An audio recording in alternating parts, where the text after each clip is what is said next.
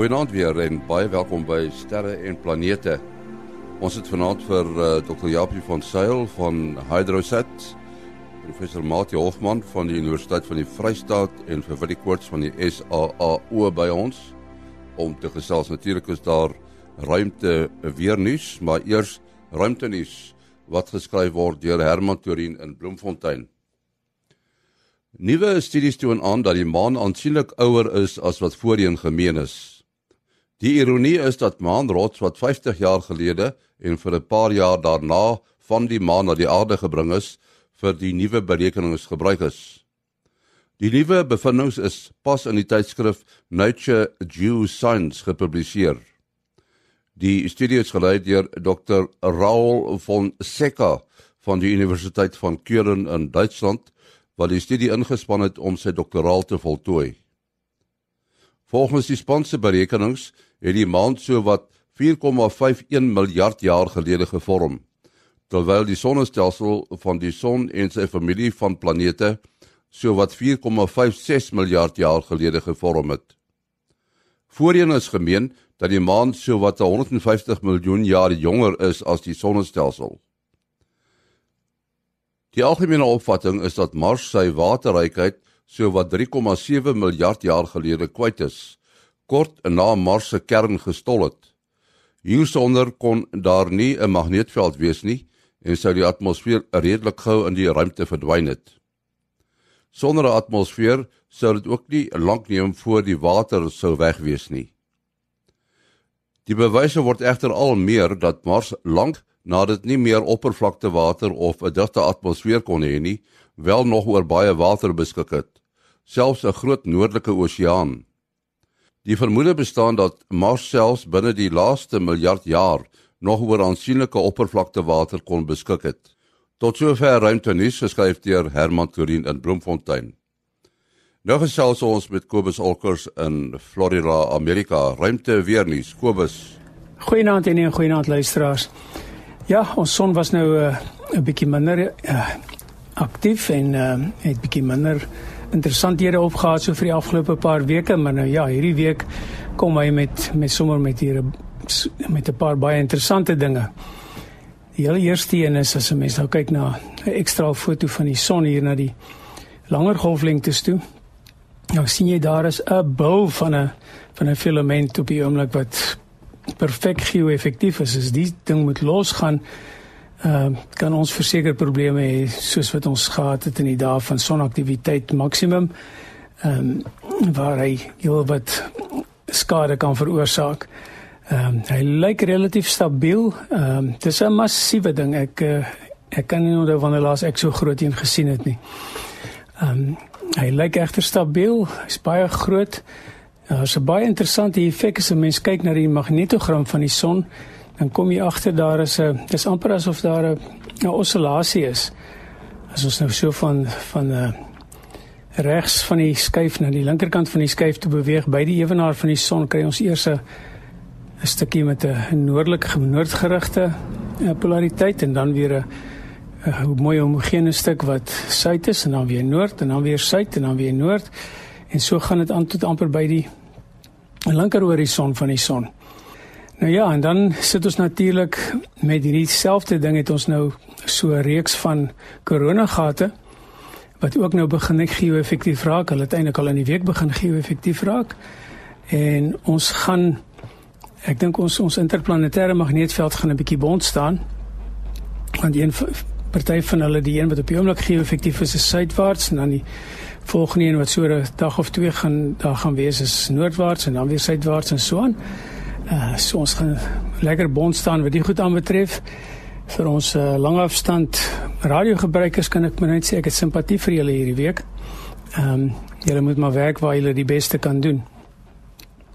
Ons het natuurlik ook dan nog ons twee groot kroonkoringegate, die een by die noordpool en een by die suidpool van die son wat vir ons nie eintlik veel kan kan uitdruk nie, maar so eentjie suid van die noordpool ek sou sê seker so op so 20 30 grade noord van die son het ons nog 'n korona gat wat soos 'n lang slang lyk wat ook nou nog sy ding gaan doen om ons nog verder interferensie te gee.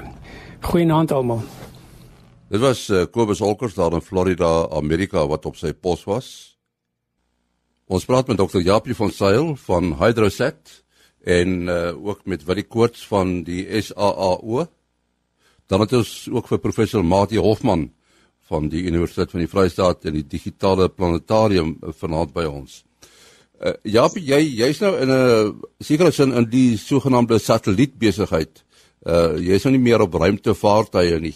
Maar so 'n satelliet wat wat uh, opgestuur word, is die proses wat gevolg word maar deurgaans dieselfde of verskil dit maar van uh satelliet tot satelliet? Man uh Henny, ek sou sê dat daar's 'n soort van twee klasse van satelliete en dit uh, die twee verskille bietjie. Die sogenaamde low earth orbit, die die uh, satelliete wat sê onder om uh onder ongeveer 1000 km of so uh hulle bane hoog is. Die word tipies deur die uh, vuurpyl uh, baie naby uh, in hulle baan uh, die regte baan gesit sal ek maar sê. En dit hang maar net af van die spoed waarteen die satelliet afgelaai word en en die hoogte waarteen hy afgelaai word. Nou soms moet 'n man die baan so bietjie aanpas en wat jy dan doen is jy jy vertraag of versnel die satelliet so bietjie. Die die manier waarop hierdie satellietbane werk, veral die lae bane, is daar's twee kragte wat op die satelliet uitgeoefen word. Die eerste ene is die aantrekkingskrag van die aarde en dit probeer natuurlik die satelliet aftrek tot by die grond. Die ander ene is die sogenaamde sentrifugale force. Uh die, die krag wat op hom uitgeoefen word, die centrifugal force wat ons noem. En dit is dieselfde ding as jy nou byvoorbeeld 'n uh, 'n klein uh, gewiggie aan die einde van 'n tou sit en jy en jy swaai die tou nou so bietjie omdat die gewiggie vinnig beweeg, trek hy die die stou sterk. Maar as jy die as jy nou ophou swaai om die sal ek maar sê die spoed aan die gewiggie te gee, dan sal die tou maar net weer pap val en op die nuwe gewiggie val op die grond. So as jy jou satelliet in 'n baan wil hou, dan moet jy hierdie twee kragte wat teen mekaar werk uitkanselleer. En nou die manier waarop jy doen is jy uh, die jy reguleer die spoed van die satelliet. So as jy die baan wil hoër maak, moet jy die satelliet so bietjie vinniger laat gaan. Nou as jy baan 'n bietjie laer wil maak, dan dan breek jy so 'n bietjie die satelliet. So jy gebruik nou maar die stuwers op die satelliete om die, om die satelliet so 'n bietjie op en af te gaan. Maar dit is tipies vir die lae bane is dit maar bitter min wat dit gedoen word. En en hulle doen dit so nou en dan so 'n bietjie aanpassing gee so 'n bietjie ekstra krag want die die uh, remkrag wat die atmosfeer se wrywing op die satelliet uitoefen alhoewel hy baie hoog is en daar min atmosfeer is, is daar tog nog steeds 'n bietjie wrywing veral as jy bietjie in die laer in die 500 km um, afstande is. Maar as jy nou na die die die hoër bane toe gaan, die sogenaamde geostasionêre bane toe. Nou hulle is so 35000 km bo kan die aarde. Nou daar daar moet jy so 'n bietjie 'n um, ekstra krag bysit. So die vuurpyle vat jou gewoonlik na die sogenaamde uh, geotransfer orbit toe.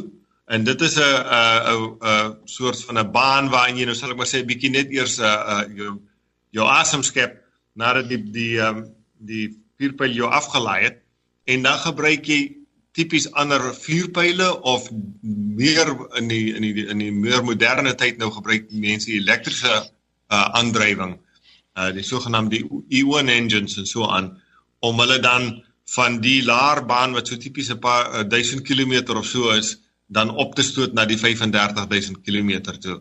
En dit vat 'n bietjie van 'n proses om jou daar uit te kry, maar dit is maar net weer eens 'n geval van jy moet maar nog so 'n bietjie ekstra ehm um, spoed bysit vir die satelliet om op die ouend daar buitekant in die regte bane te kom. Ek wil miskien net gou ehm um, dit is interessant hoe baie mense het hierdie misverstand dat ehm um, jy moet die heeltyd die motore vuur om die ding in sy baan te hou. Soos wat jy nou gesê het hierdie ekstra manoeuvres wat jy maak is eintlik maar net om hom lekker te stuur en dat hy um 'n uh, presiese baan wees en aarde toe wys en so aan. Want as jy nou dink aan die sê die tweede stadium van 'n vuurpyl of wat ook al wat nou nie terugval aarde toe nie maar permanent bo 'n baan bly. Daai ding se uh, brandstof is lankal opgebrand en dan en maar hy hy hou aan vir vir ewig as hy hoog genoeg is natuurlik wel vir ewig so lank tyd maar so dis dit interessant hoe baie mense het hierdie misverstand dat uh, jy moet die hele tyd die motore vuur om in jou baan te bly en sodra jy hulle los dan dan val hy terug. So uh en interessant genoeg ons was nou die aand met 'n groep en toe sê die een ou van die satelliet wat stil staan en dan en dan beweeg hy weer of wat ook al nou ja die enigste satelliete wat natuurlik stil staan soos dit lyk van die aarde af maar hulle is die geostasionêre satelliete maar en dis hoekom jou uh skottel uh, kan vas staan maar eintlik vat hulle dan net 24 uur om eenmal om die aarde te beweeg. So niks kan stil staan nie dan dan val hy grond toe nê nee. Dis doodreg uh, dis 'n baie interessante punt wat jy nou gemaak het omtrent die geostasionêre satelliete. As ons hulle kon sien met die met die oog dan dan soos jy sê dan lyk dit asof hulle doodstil staan bo kan ons maar dit is omdat hulle presies dieselfde ehm um, tempo draai om om die aarde se as as wat die aarde homself draai. So dis presies soos jy sê, hulle gaan 1 24 uur vat dit vir hulle om om die aarde te gaan. So hulle is presies dieselfde spoed as wat die aarde homself draai. Dis waarom hulle geostasionêr genoem word. Hulle blyk lyk lyk dit lyk asof hulle op 'n plek sit, maar hulle beweeg eintlik teen 'n redelike hoë spoed. Ja, iets wat ek wat ek my opgeval het nou die dag die uh ons het nou hierdie 50 jarige herdenking van die maanlandings en hulle binne 3 dae was hulle by die maan met hierdie geweldige sterk vuurpyl waaroor ons laas gepraat het en uh in die die Indiese satelliet wat nou op pad is maan toe gaan iets soos 8 maande vat of wat ook al. En um die aard van die saak is omdat hulle nie daai geweldige groot vuurpyle gebruik nie. Maar wat vir my interessant was van die baan is uh, dit is ehm um, ek gaan 'n klomp keer eers om die aarde en dan raak die ellips al hoe groter en dan uiteindelik gaan hulle oor in 'n lunar transfer orbit soos jy sê wat hulle dan die motore vuur wanneer hulle op hulle hoogste is en dan en dan op pad maan toe. So dis ook weer 'n hele ander tegnologie om dit met 'n baie kleiner brandstoftank te doen. Ja, nee, dit is 'n dis 'n baie interessante proses daai en ons gebruik dit natuurlik ook baie in die planetêre ehm um, uh sendings wat ons doen uh beide Amerika en ander ander nasies die die Europeërs is op die oomblik op pad na na Mer Mercurius toe en hulle gaan 'n uh, hele klompie kere by die aarde en Venus verbyvlieg en selfs by Mercurius 'n paar keer verbyvlieg voordat hulle de, tot die regte baan daar aankom dat hulle nou in in die baan om die planeet kan gaan.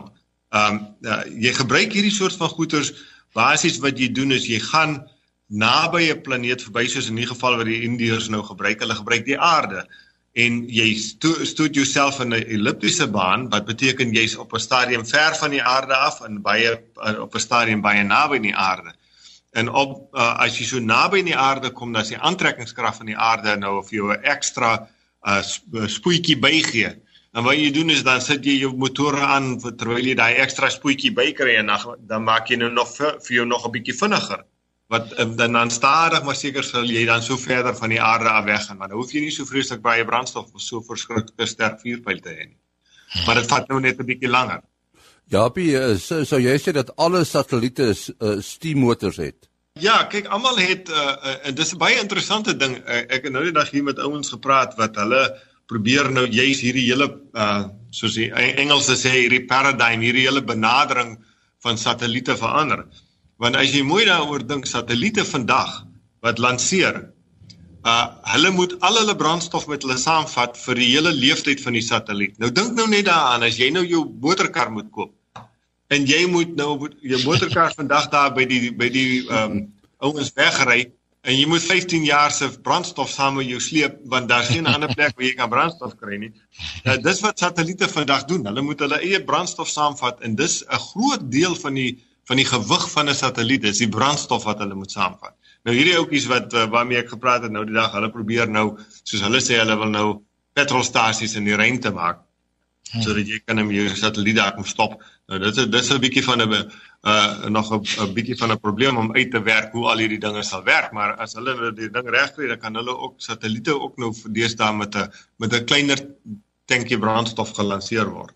Almal het een of ander manier waarop hulle hulle bane kan hanteer. Die ouens wat nie brandstof saamvat nie, dis hierdie klein satellietjies en so aan, tipies hulle uh uh daar's internasionale samewerkings en en reëls wat wat 'n mens uh moet um aan voldoen.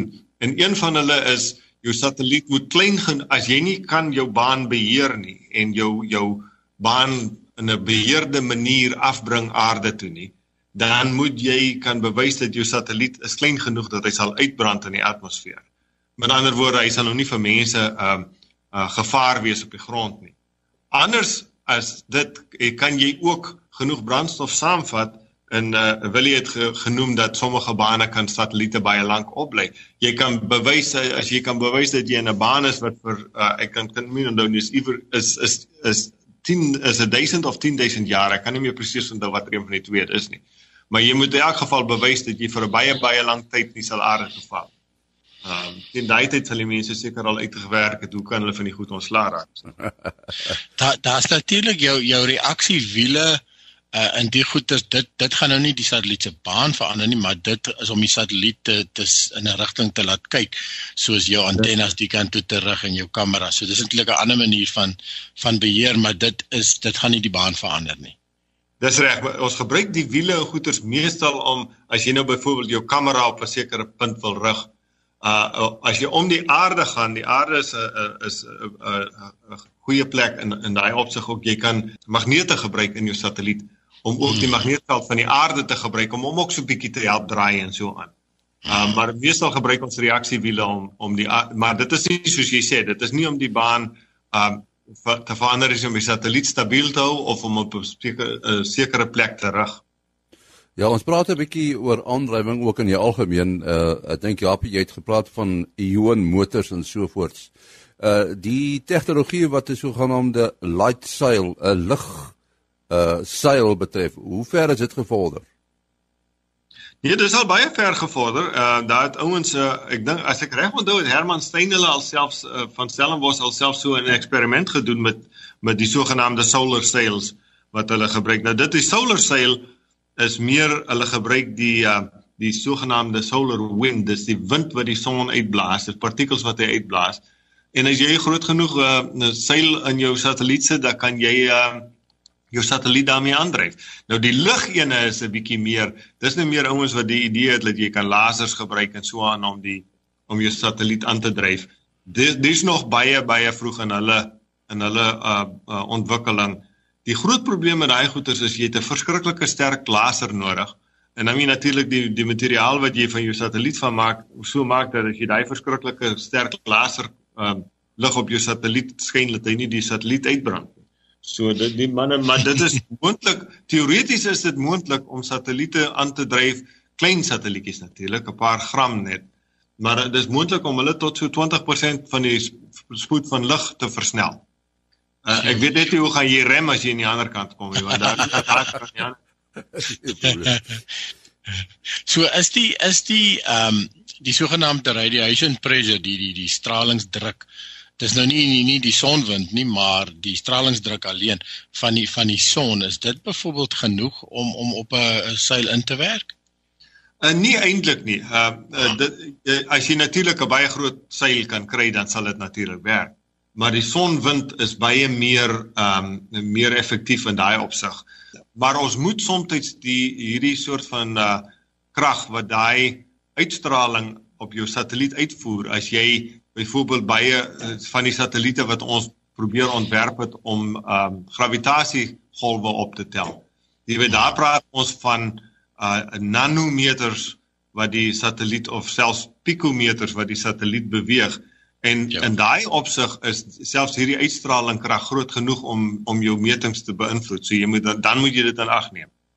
Hmm, hmm. Ja, want kyk, uh, fotone het nie gewig nie, maar het 'n geweldige snelheid. So Dis reg. Dis uh, en dit en jou wel kan ja, aandryf. Ja, ja. En dit is nog steeds ongelooflik dat iets sonder 'n gewig vir jou aandrywing kan gee, né? ja, maar dit is natuurlik Dit is interessant die die manne het uh uh hoe berekenings gedoen jy het so giga uh, klompie gigawatts nodig van die van die van jou laser af om 'n om 'n 20 gram satelliet uh, aan te dryf. So dit ja. is dis nie 'n baie praktiese manier nog nie. Ja, ons het uh, in die verlede baie gepraat oor die maanlanding 50 jaar gelede, maar uh, mense praat nie veel oor die die prismas wat op die maan agtergelaat is nie uh, en wat deur later af, aftasting hier van die aarde af uh, bekyk word nie. Uh, weet jy iets daarvan uh, Japie? Ja, nee, ons het uh, by JPL toe ek nog daar was, het uh, is daar 'n hele paar ouens wat ehm um, met lasers hierdie afstand na die maan toe maan toe baie akkuraat probeer meet het en uh, dan uh, jy om berekenings te doen hoe vinnig die maan wel beweeg ehm um, of die maan 'n uh, uh, vloeibare kern het en en die soort van goeters. Ehm um, dis 'n baie interessante ding as jy dink uh Prismas is daar gesit in die in die 1960s met die Apollo 60s en 70s met die Apollo program hmm. en ons gebruik hulle nog steeds vandag om om hierdie afstand te, afstand te meet. Mense doen dit nou natuurlik baie gereeld deesdae en omdat hulle nou al so lank uh, uh tyd hierdie metings doen kan hulle nou die die die uh, sal ek maar sê die die gereis die die die onsekerheid aan die metings is nou al baie baie klein is op millimeters op op op die onder. 'n Mens luister nou so watse metings alles gedoen word uh met behulp van die satelliete en oor watter tegnieke gebruik hulle by ander planete. Nou deesdae word daar nou baie uh, gepraat en gedink oor wat met die atmosfeer hier om ons gebeur en uh die gasse wat ons in die atmosfeer vrylaat en die effek op die atmosfeer en die kweekhuiseffek en die die klimaat en al die dinge en dit raak nogal uh weer die gesprek raak nogal warm so dit wys maar net 'n mens moet op die ou end sorg dat jy baie goeie inligting kry en met al die satelliete wat om die aarde is nê nee, is is is seker in beginsel moontlik dat jy nou kan satelliete kry wat amper in teenoorgestelde kante van die aarde is maar sodat hulle nog mekaar kan sien. Nou as hulle nou van hierdie soort lasers wat nou oor lang afstande kan lig na mekaar toe skiet in verskillende golflengtes sou dit dalk gebruik kon word om goeie inligting oor die atmosfeer op verskillende hoogtes te kon kry. Is daar al so iets gedoen? Uh lasers is is minder word minder in hierdie uh, opsig gebruik, maar mikrogolwe word redelik baie gebruik. En in infrarooi uh dit uh, ons noem dit sogenaamd limb sounding. Dis wat wat gebeur as jy twee satelliete en dan kyk jy nou soos jy sê met die een van die een satelliet na die ander satelliet en wanneer die een van die satelliete so sal ek maar sê so agter die aarde beginne vir uh uh wegsink dan trek jou syne natuurlik nou deur verskillende diktes van die atmosfeer. En uh, om die waarheid te sê, daar's 'n hele baie uh elegante teorie omtrent die hele goed wat vir jou presies sê waar watter hoogtes jy meet en so voort. Ons gebruik dit veral om uh gasse wat baie uh lae konsentrasie in die atmosfeer het. Jy weet goed soos waterstof en die soort van goeters, hulle kom so baie uh, is is so algemeen in ons atmosfeer en hulle uh beïnvloed uh radiosyne en selfs lasersyne so baie dat dit baie maklik is om te meet hoeveel uh uh waterstof, uh, suurstof, uh, uh koolsuurgas so aan in die in die atmosfeer is maar van goeie soos ozon en daai soort van goeters. Hulle het so lae konsentrasie metaangas en so voort dat jy eintlik wil deur 'n baie lang stuk van die atmosfeer kyk. Dan is dit beter om kant toe deur lank lank deur die atmosfeer te kyk as wat jy direk afkyk grond toe. So ja nee, dit word baie gebruik en uh daar's soos ek sê, daar's 'n baie uh, elegante teorie wat vir jou presies sê, jy weet as jy nou so hoog is met die met die twee satelliete, dis hierdie deel van die atmosfeer waar deur die sein getrek het en dan kan jy profile van die die konsentrasie van 'n gas in die atmosfeer maak met hierdie metode. Hey, en nou die die bundel mikrogolwe of van infrarooi wat hulle nou vir mekaar stuur, moet dit geweldig gekolimeerd word wees as dit dan nou nie lasers is nie.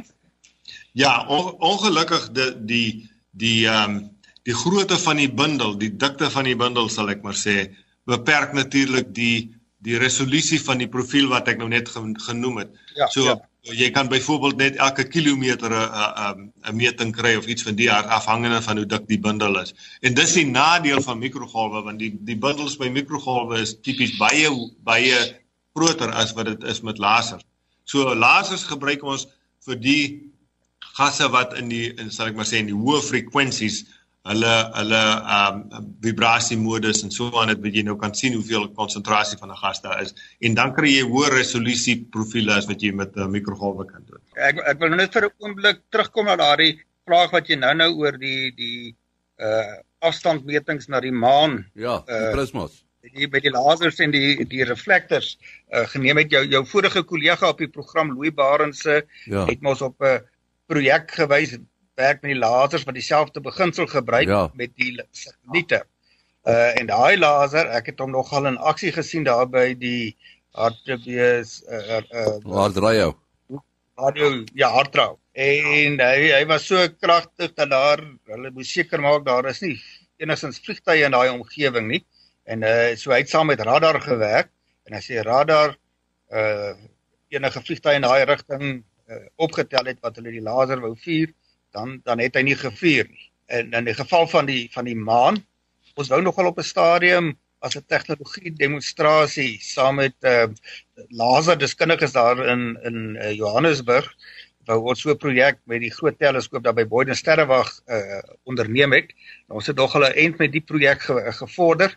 Toe moes die navorsingsprojek uh, uh ongelukkig begin, so ons kon dit nou nie voltooi nie, maar ek weet die die die lig wat terugkom vanaf die maan. Al is jou laser baie helder, is geweldig dof. En hy is nou al baie uitgesprei, maar wat die elektronika doen is om uh, hy, hy, hy, hy stel 'n venster. Jy kyk vir die lig wat min of meer in daardie baie naby aan daardie tydperk wat die lig neem aan toe en terug te beweeg. So jy weet wanneer om te kyk wat jy dan nou help om daai lig te onderskei vanaf uh ander lig wat nou jy weet wat in die omgewing altyd rond is, die ligbesoedeling. Ons moet afsluit. Uh, Japie, jou besonderhede.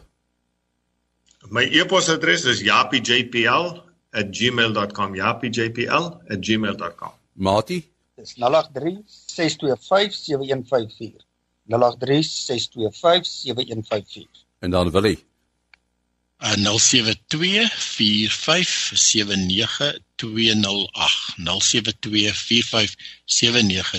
0724579208 En dan my e-posadres maas.henny@gmail.com. maas.henny@gmail.com. Tot uh, volgende keer. Mooi loop.